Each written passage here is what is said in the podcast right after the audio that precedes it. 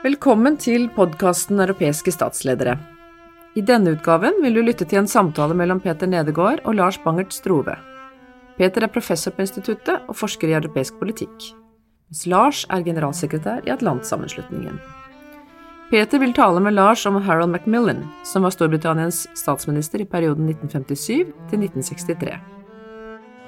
You will understand me when I say that it's with a mixture of sorrow and pride that I speak to you as Prime Minister of Britain.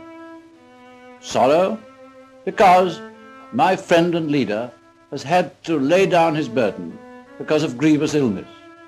Apart from that, it's a proud thing to be given the office of Prime Minister of Britain.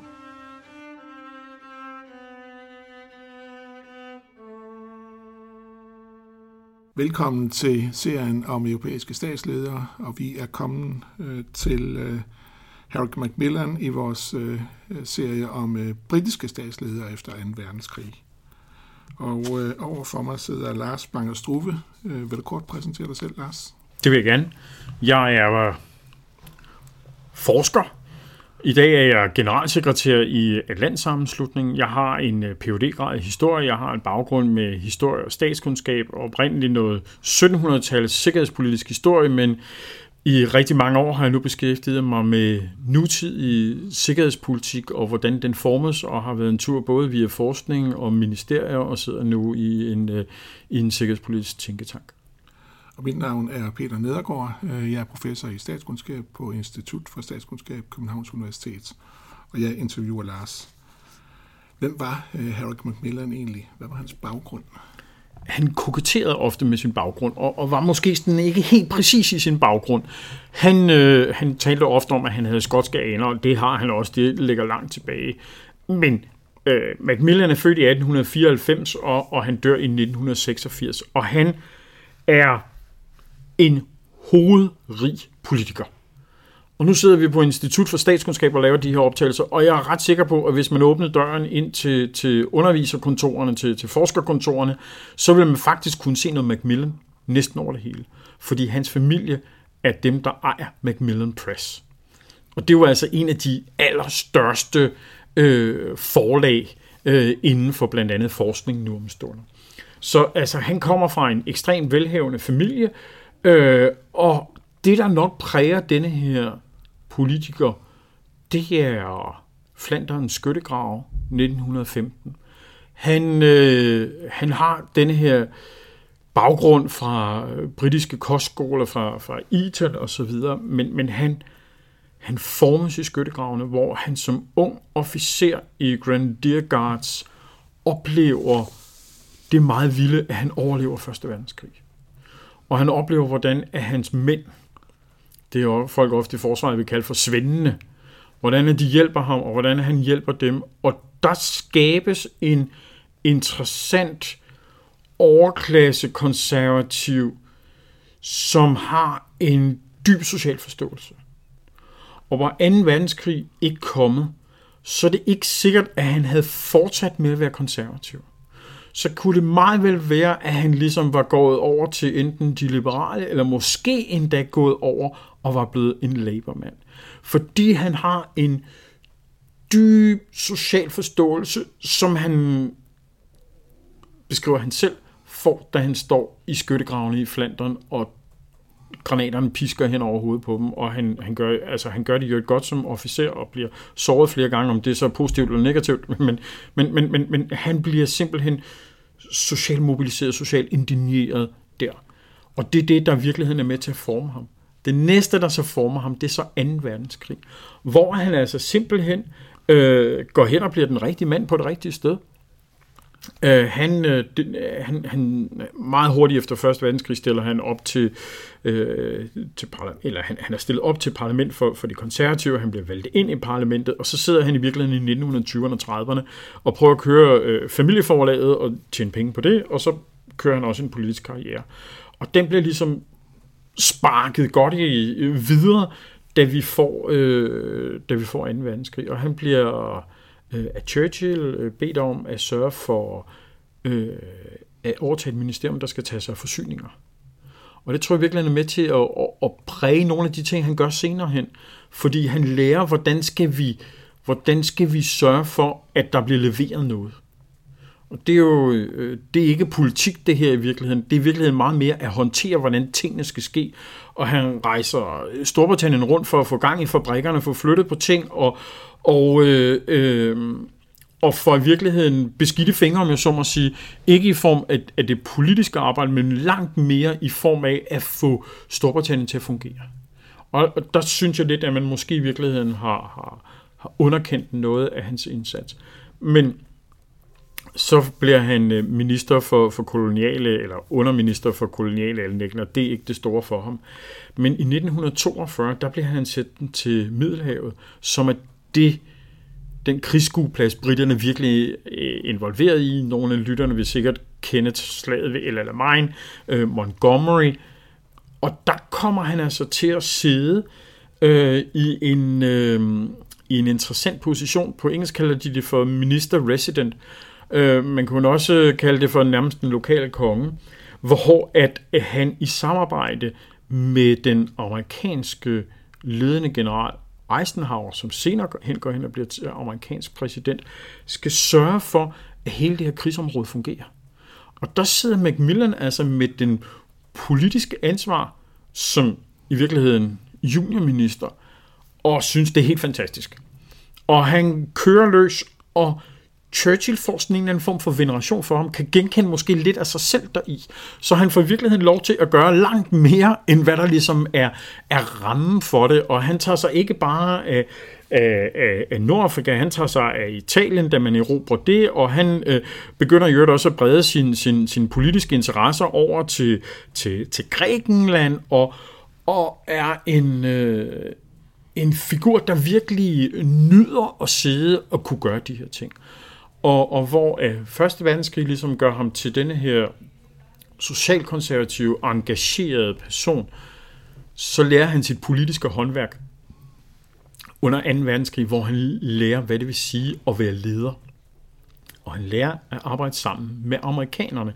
Og det er det, der kommer til at forme hans seks år som premierminister fra, fra, øh, fra 57 til 63.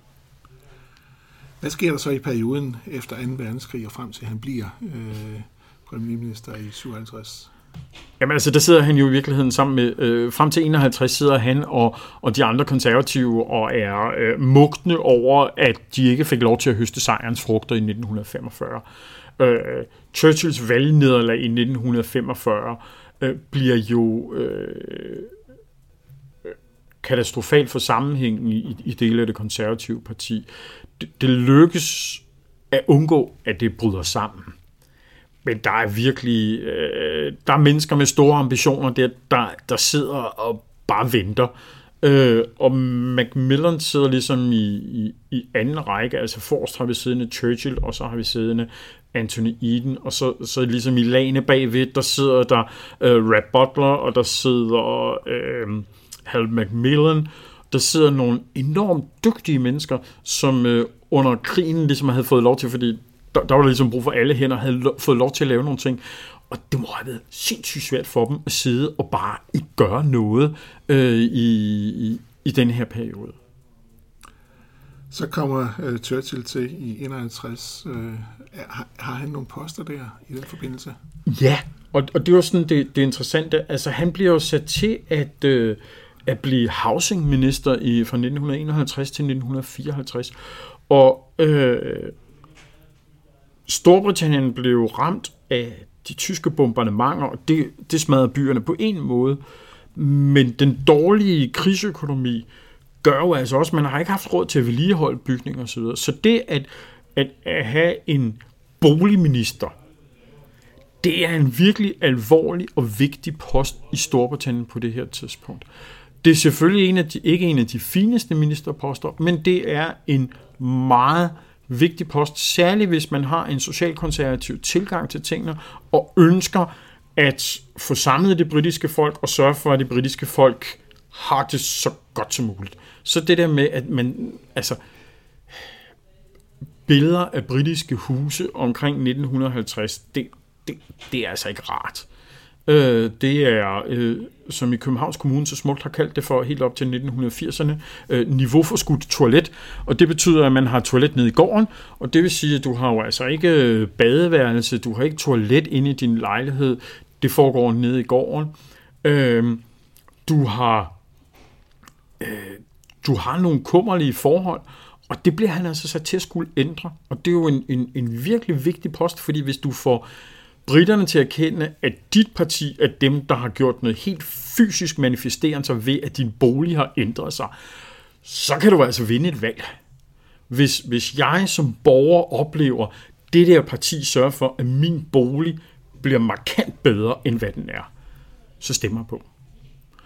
Og øh, han får altså det, det lille problem, at, øh, at der er et lille oprør iblandt øh, de konservative i deres egen, øh, på deres egen partikongres, hvor at øh, imod indstillingen fra, fra den øverste ledelse, så beslutter partikongressen sig for, og jeg kan ikke huske, om det er 51 eller 52, men der beslutter man sig altså for, at man øh, skal bygge 300.000 nye boliger om året.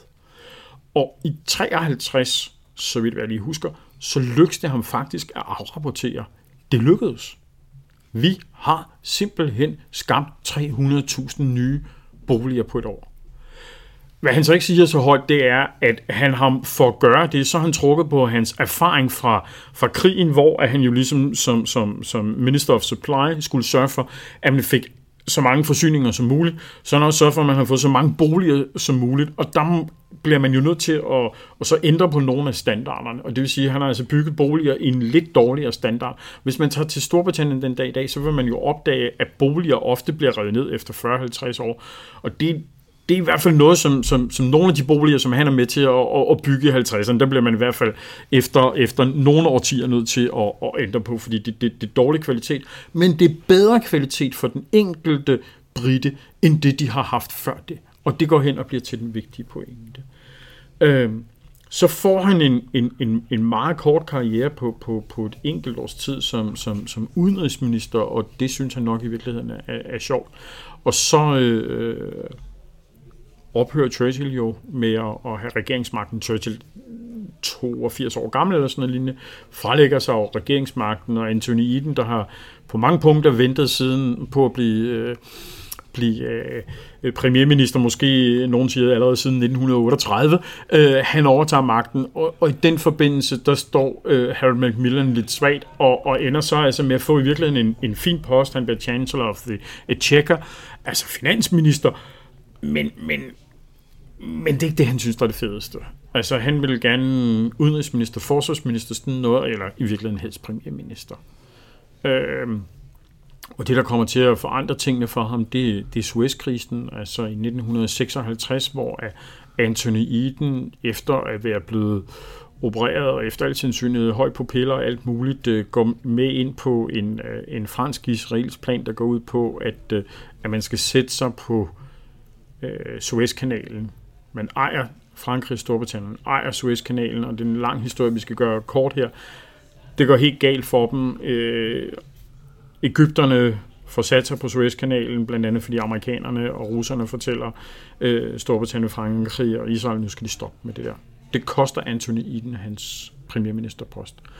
Og der står Macmillan lige pludselig, og der har vi jo altså så at gøre med nogle af de der mærkelige ting i britisk parlamentarisme, de har ikke en dronning rundt om, jeg så må sige, som vi har, øh, kender her til herhjemme. Hvis øh, Lars Løkke Rasmussen nu skulle beslutte sig for, at han ikke ville være statsminister længere, så skulle der på en eller anden måde være en dronningrunde, så der blev udpeget en ny. I Storbritannien sker der det, at, at nogle af seniormedlemmerne af parlamentet, af kabinettet, de spørger her i 1957 rundt i kabinettet, hvem skal være den næste premierminister. Og der sker altså så det, at der er det Rap Butler imod Hal McMillan. Og øh, øh halvt år før ville folk have troet, at det ville blive Rap Butler. Øh, men det bliver det ikke.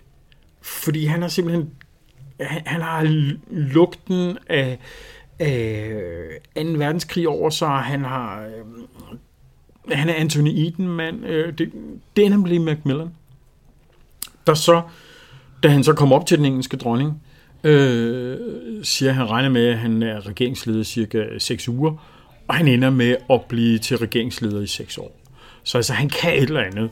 Øh, og, og rigtig mange siger, der ændrer han igen karakter lidt, og går hen og bliver til en manipulator, der er i stand til ligesom at få sine beslutninger igennem.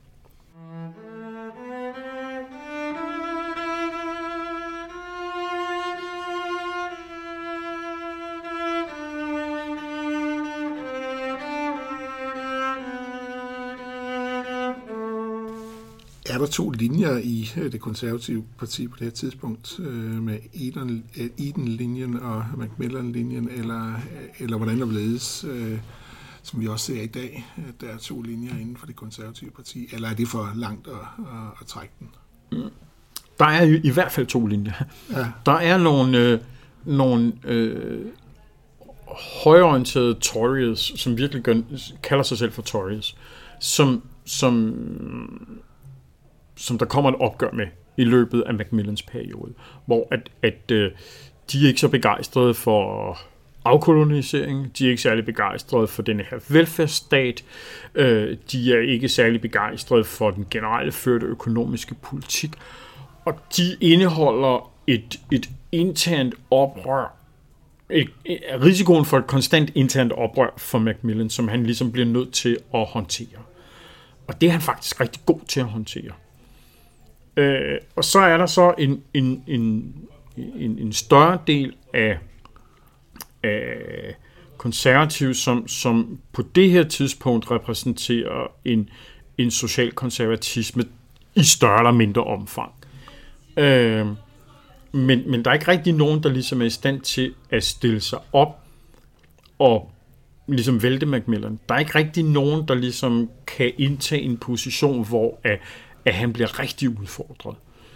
Der er masser af oprør på et tidspunkt, der mister. I Storbritannien har man jo ikke bare en minister, men han har jo også nogle, øh, nogle, nogle viceminister og underminister, kald det hvad, hvad du vil. Og på et tidspunkt, der mister han altså sin, sin, øh, sin finansminister og, og hans folk.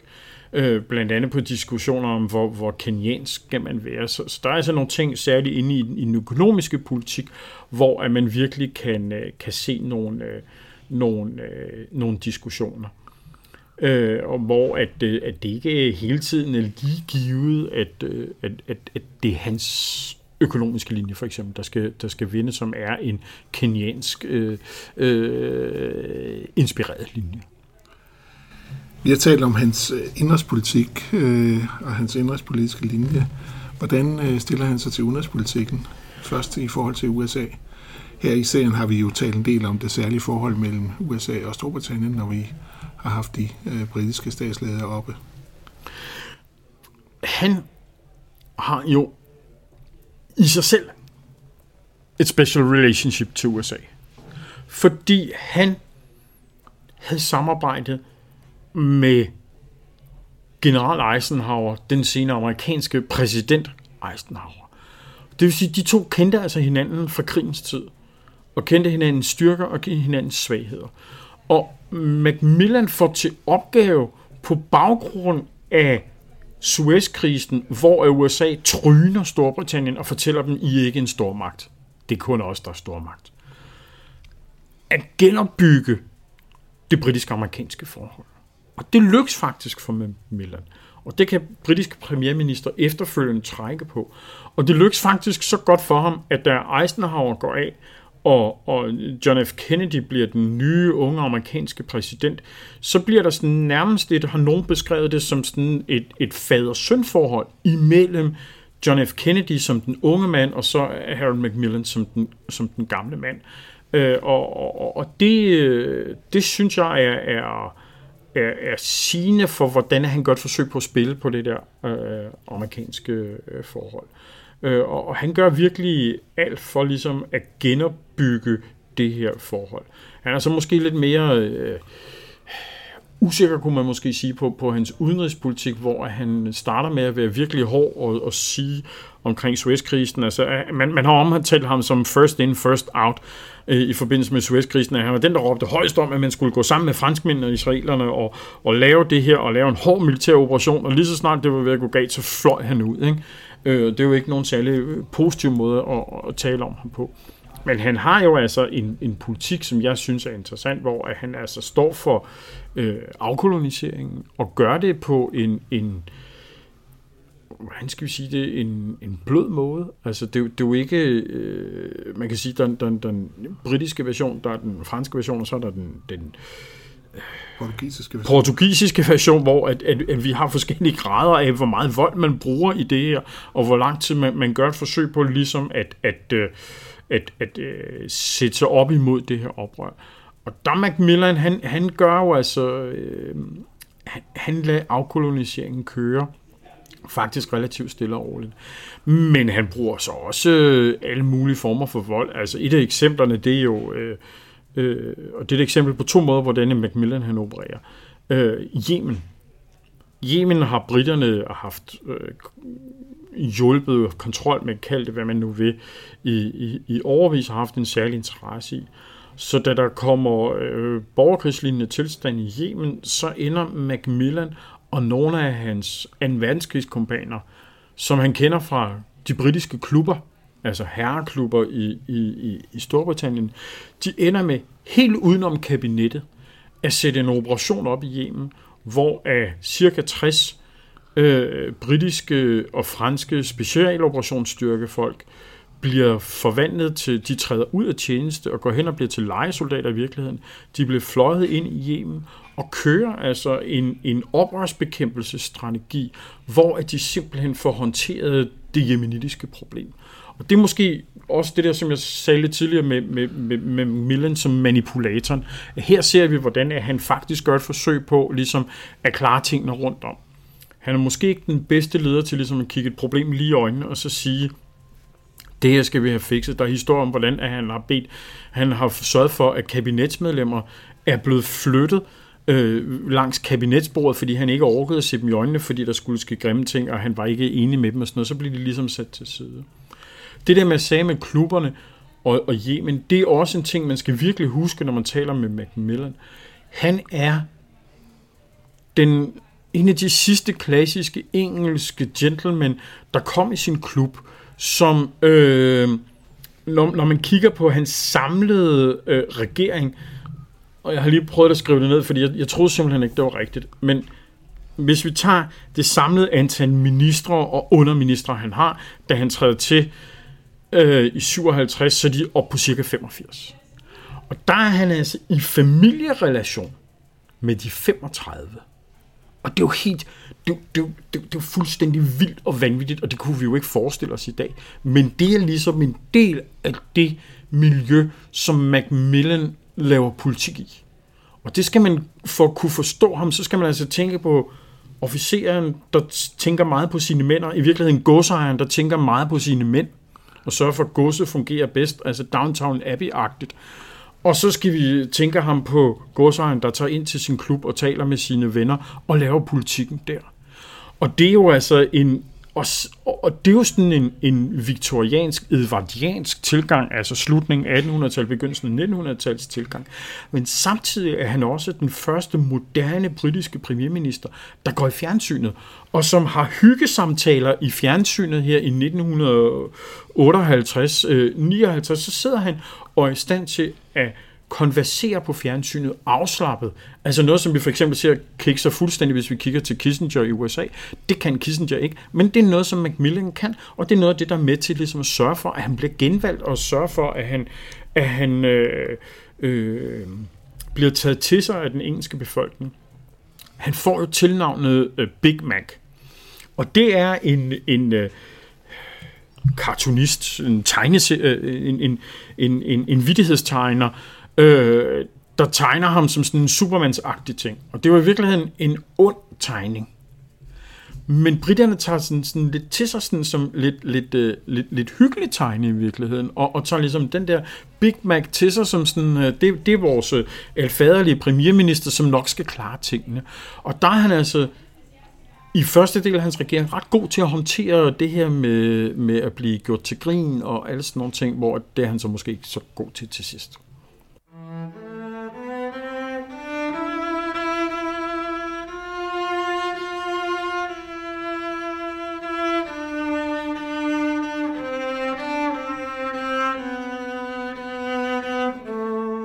Han øh, er premierminister frem til øh, 63. Hvad er det, der gør, at han må gå af? det hårdeste, der nok gør, at han, at han bliver øh, nødt til at gå af, det er jo Profumo-skandalen. Ja, ikke? hvad går den ud på? Og, og den går altså ud på, at, øh, at vi har en, en britisk forsvarsminister, der har et øh, forhold til en prostitueret, og denne prostituerede har altså også et forhold til, til folk øh, tilknyttet russiske efterretningstjeneste. Og hvor man under 2. verdenskrig og i årene lige efter 2. verdenskrig nok har en relativt løs seksuel moral. Den her krigstids overlevelses seksuel moral, som vi også kan genkende i fra, fra den nyeste forskning i Danmark på, på, på det område. Så i løbet af 1950'erne, så strammer skruen hårdt.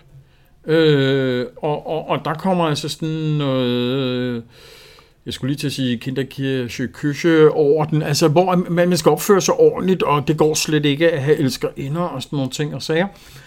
Og det kommer til at så ramme hårdt ind i, i, i den sidste del af Macmillans øh, periode. Også fordi, at han ligesom har den der overbevisning om, at det klarer vi lige nede i klubben. Det klarer, det, vi fikser bare lige tingene. Hvor at der er altså kommet en, en, en hård tone, som man nok ikke havde set øh, 10-15 år før. Øh, så så han, han ender med at, at, at, at falde på sådan en, øh, en, øh, en spionsag, som, hvor meget spionsag der egentlig er over det, det, det er noget, som, som øh, mine, mine kolleger, der, der forsker i efterretningsvirksomhed, stadigvæk kan bruge rigtig meget tid på at diskutere. Men, men altså, hvor er det det, der ligesom er, er, er det, der det, der ligesom tegner det, og, og i virkeligheden så kunne man have troet, at det var helt andre ting, fordi du spurgte mig om, er det konservative del de to, ikke? Altså, der er noget økonomipolitik, der virkelig kunne have splittet dem, ikke? Altså, hvor han går ind og, og laver sådan noget fransk inspireret central planlægning fra 1959 og frem efter, man har øh, det, man kalder for needy, og det er fra 61, der har man National Economic Development Council, hvor man altså laver sådan noget, som i virkeligheden rigtig mange af de konservative ikke kan lide. Man får både fagforeningsfolk og øh, folk fra Labour til at sidde med omkring et bord og diskutere, og det kunne have medført en sprængning internt, men det er ikke politik, han bliver afsat på. Det er altså Profumo-skandalen, som øh, den dag i dag martrer dele af, af, af britisk politik. Ikke? Altså, der, der er jo nogen, der, der, der spørger, hvornår får vi den næste Profumo-skandale? Hver gang der er en eller anden spionsag oppe, så er det sådan, har det her så involveret? Og det er jo altså en periode midt under den kolde krig, hvor den kolde krig er, har en, en, er meget kold, om jeg så må sige, efter Ungarn-opstanden i 56, hvor at der bare ikke er plads til, at øh, vi har spionskandaler. Og, og Storbritannien er jo, det er ikke så klart for samtiden, men Storbritannien og de britiske efterretningstjenester på det her tidspunkt er ramt ret hårdt af for eksempel øh, nogle af de gamle netværk, som er skabt i øh, før 2. verdenskrigstidens øh, universitetsmiljø, som jo altså trækker tråde helt op til i dag, og hvis man vil, eller op, op til det tidspunkt, og, og hvis man vil læse om det, så er det jo bare at kasse over sådan nogle John le Carré bøger, der fortæller om, hvor, hvor ubehageligt infiltreret dele af det britiske øh, efterretningsmiljø er. Du tænker på Kim Philby og... Kim Philby og alle de her, ikke? Hvor ja. at, og hvor det er jo i virkeligheden, at, at altså, det, er jo, det er jo Old Boys Network, som så har været landsforrædere og det er jo virkelig noget, der undergraver hele den måde, hvorpå at Harry Macmillan og han samtidig styrer på. Nemlig Old Boys Network. Og, og helt basalt set, så skal man jo huske, at, at vi i Danmark aldrig rigtig har haft samme type Old Boys Network. Vi kan ikke forstå det. Og, og, og den britiske parlamentariske system er jo sådan så, at det er premierministeren, der styrer. Vi ser det lige nu i her i marts måned øh, 2019 i virkeligheden udfordret af, af, af the speaker i parlamentet, der ligesom siger, kan premierminister, vi har altså nogle regler her, og du kan ikke styre det hele. Og der trækker man så nogle, nogle tråde helt tilbage til The Glorious Revolution, tilbage i, i, i slutningen af 1600-tallet, hvor parlamentet tilbagerober sin magt. Og der er hele tiden sådan en, en, en bølgegang, om jeg så må sige, er det premierministeren, der bestemmer det hele, eller hvor meget bestemmer parlamentet? Og der er det altså, at, at det der Old Boys Network, det medfører ballade her i 1963, og det gør, at så bliver han altså nødt til ligesom at, at gå på baggrund af Profumo-skandalen. Hvad er det aftryk, han har sat sig? Hvad er vores øh, indtryk af Harry Macmillans periode som premierminister fra 57 til 63 i dag og senere? han får stabiliseret Storbritannien. Altså, efter katastrofen med Suez, hvor Storbritannien lige pludselig opdagede, at vi er ikke længere den ene af stormagterne i verden. Vi er nogen, der kan blive sat på plads af både USA og Rusland. Så er han den, der ligesom lægger en dæmper på det. Han laver afkolonialisering, som jo gør, at det britiske imperium skrumper helt vildt. Altså, det er jo 100 millioner indbyggere, de taber. Men de kommer ud på den anden side, om jeg så må sige. Og kommer ud på den anden side med deres helt egen version af Storbritannien som en stormagt. Som måske i virkeligheden martrer dem nu her, når vi har Brexit. Men, men altså, hvor Storbritannien ligesom ser sig selv stadigvæk som en, en, en, en stormagt, blandt andet på grund af de øh, nukleare våben, de har, som Macmillan er en af fortalerne for. Så, så, så altså, hvis vi kigger på, på det udenrigspolitiske, det, øh, hvordan Storbritannien kigger på sig selv, jamen, så er det, at, at fra nederlaget stund i 1956 med Suezkrisen, så i 63, så, så er de genrejst sig. Og så har han en, efter min mening, langstrakt påvirkning af det konservative parti, Toryerne i Storbritannien, med en socialkonservativ linje, som først Satya rigtig laver et opgør med.